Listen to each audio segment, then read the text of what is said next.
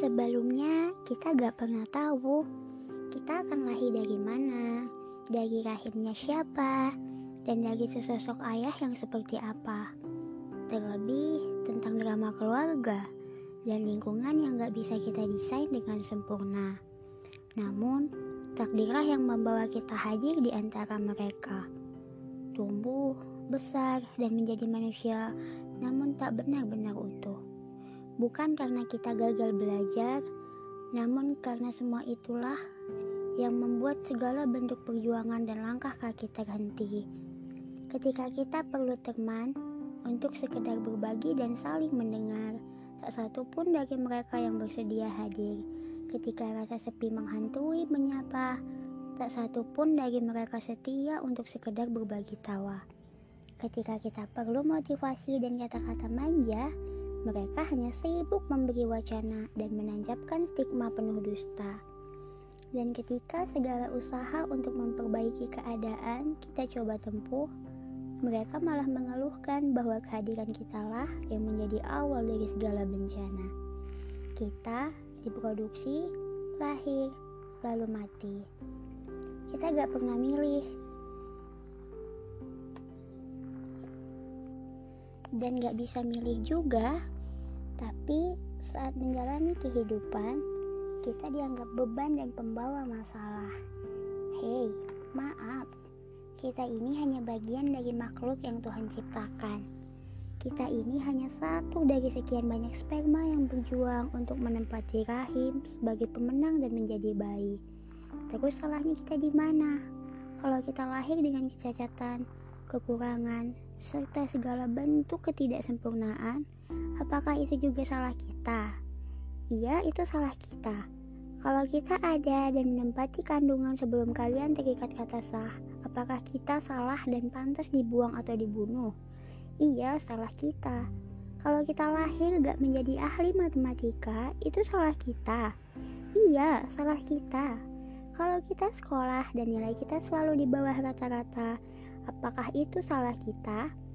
Iya, salah kita.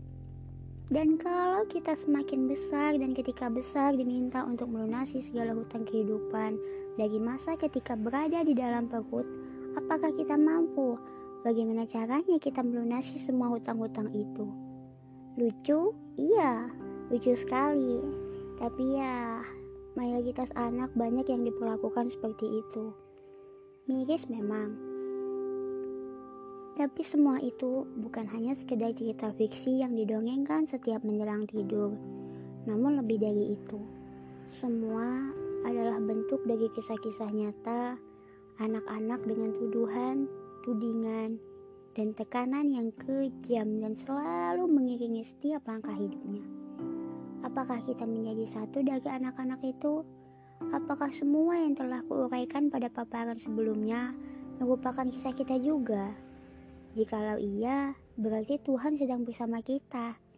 Dia ingin kita menjadi pribadi yang lebih kuat lagi dari kemarin.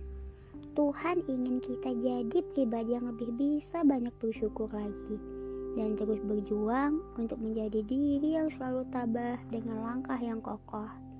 Tuhan ingin mengajarkan satu hal pada kita, bahwa kita adalah makhluk yang spesial yang tentu akan dia sayang dan dia karuniai kasih yang banyak.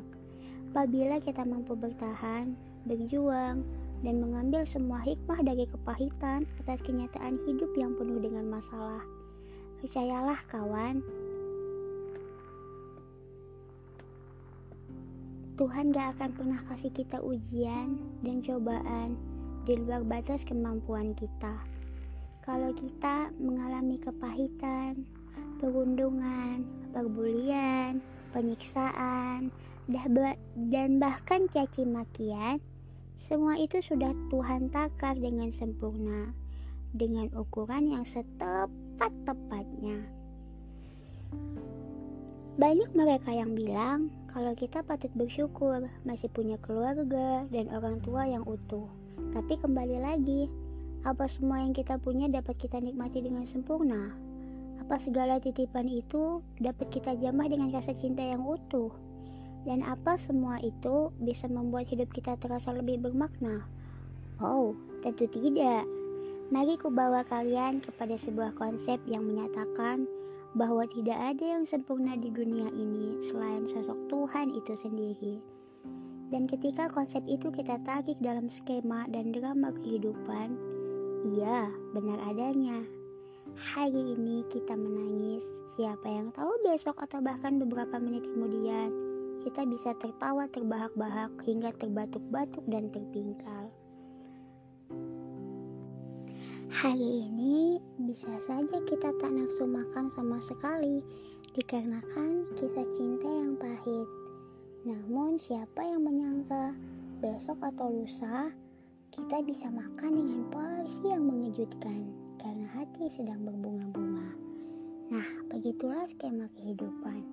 Gak akan ada yang sempurna karena apa pun bentuknya menaruh percaya pada manusia pasti akan berakhir kecewa.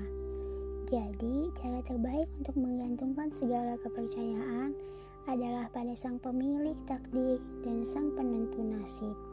Siapa dia? Ya Tuhan kita. Selebihnya, imbangi semua kepercayaan itu dengan usaha, ikhtiar, ibadah, dan berdoa. Teruslah bersyukur dan jangan berhenti hanya karena satu, bahkan banyak masalah yang menerpa hidupmu.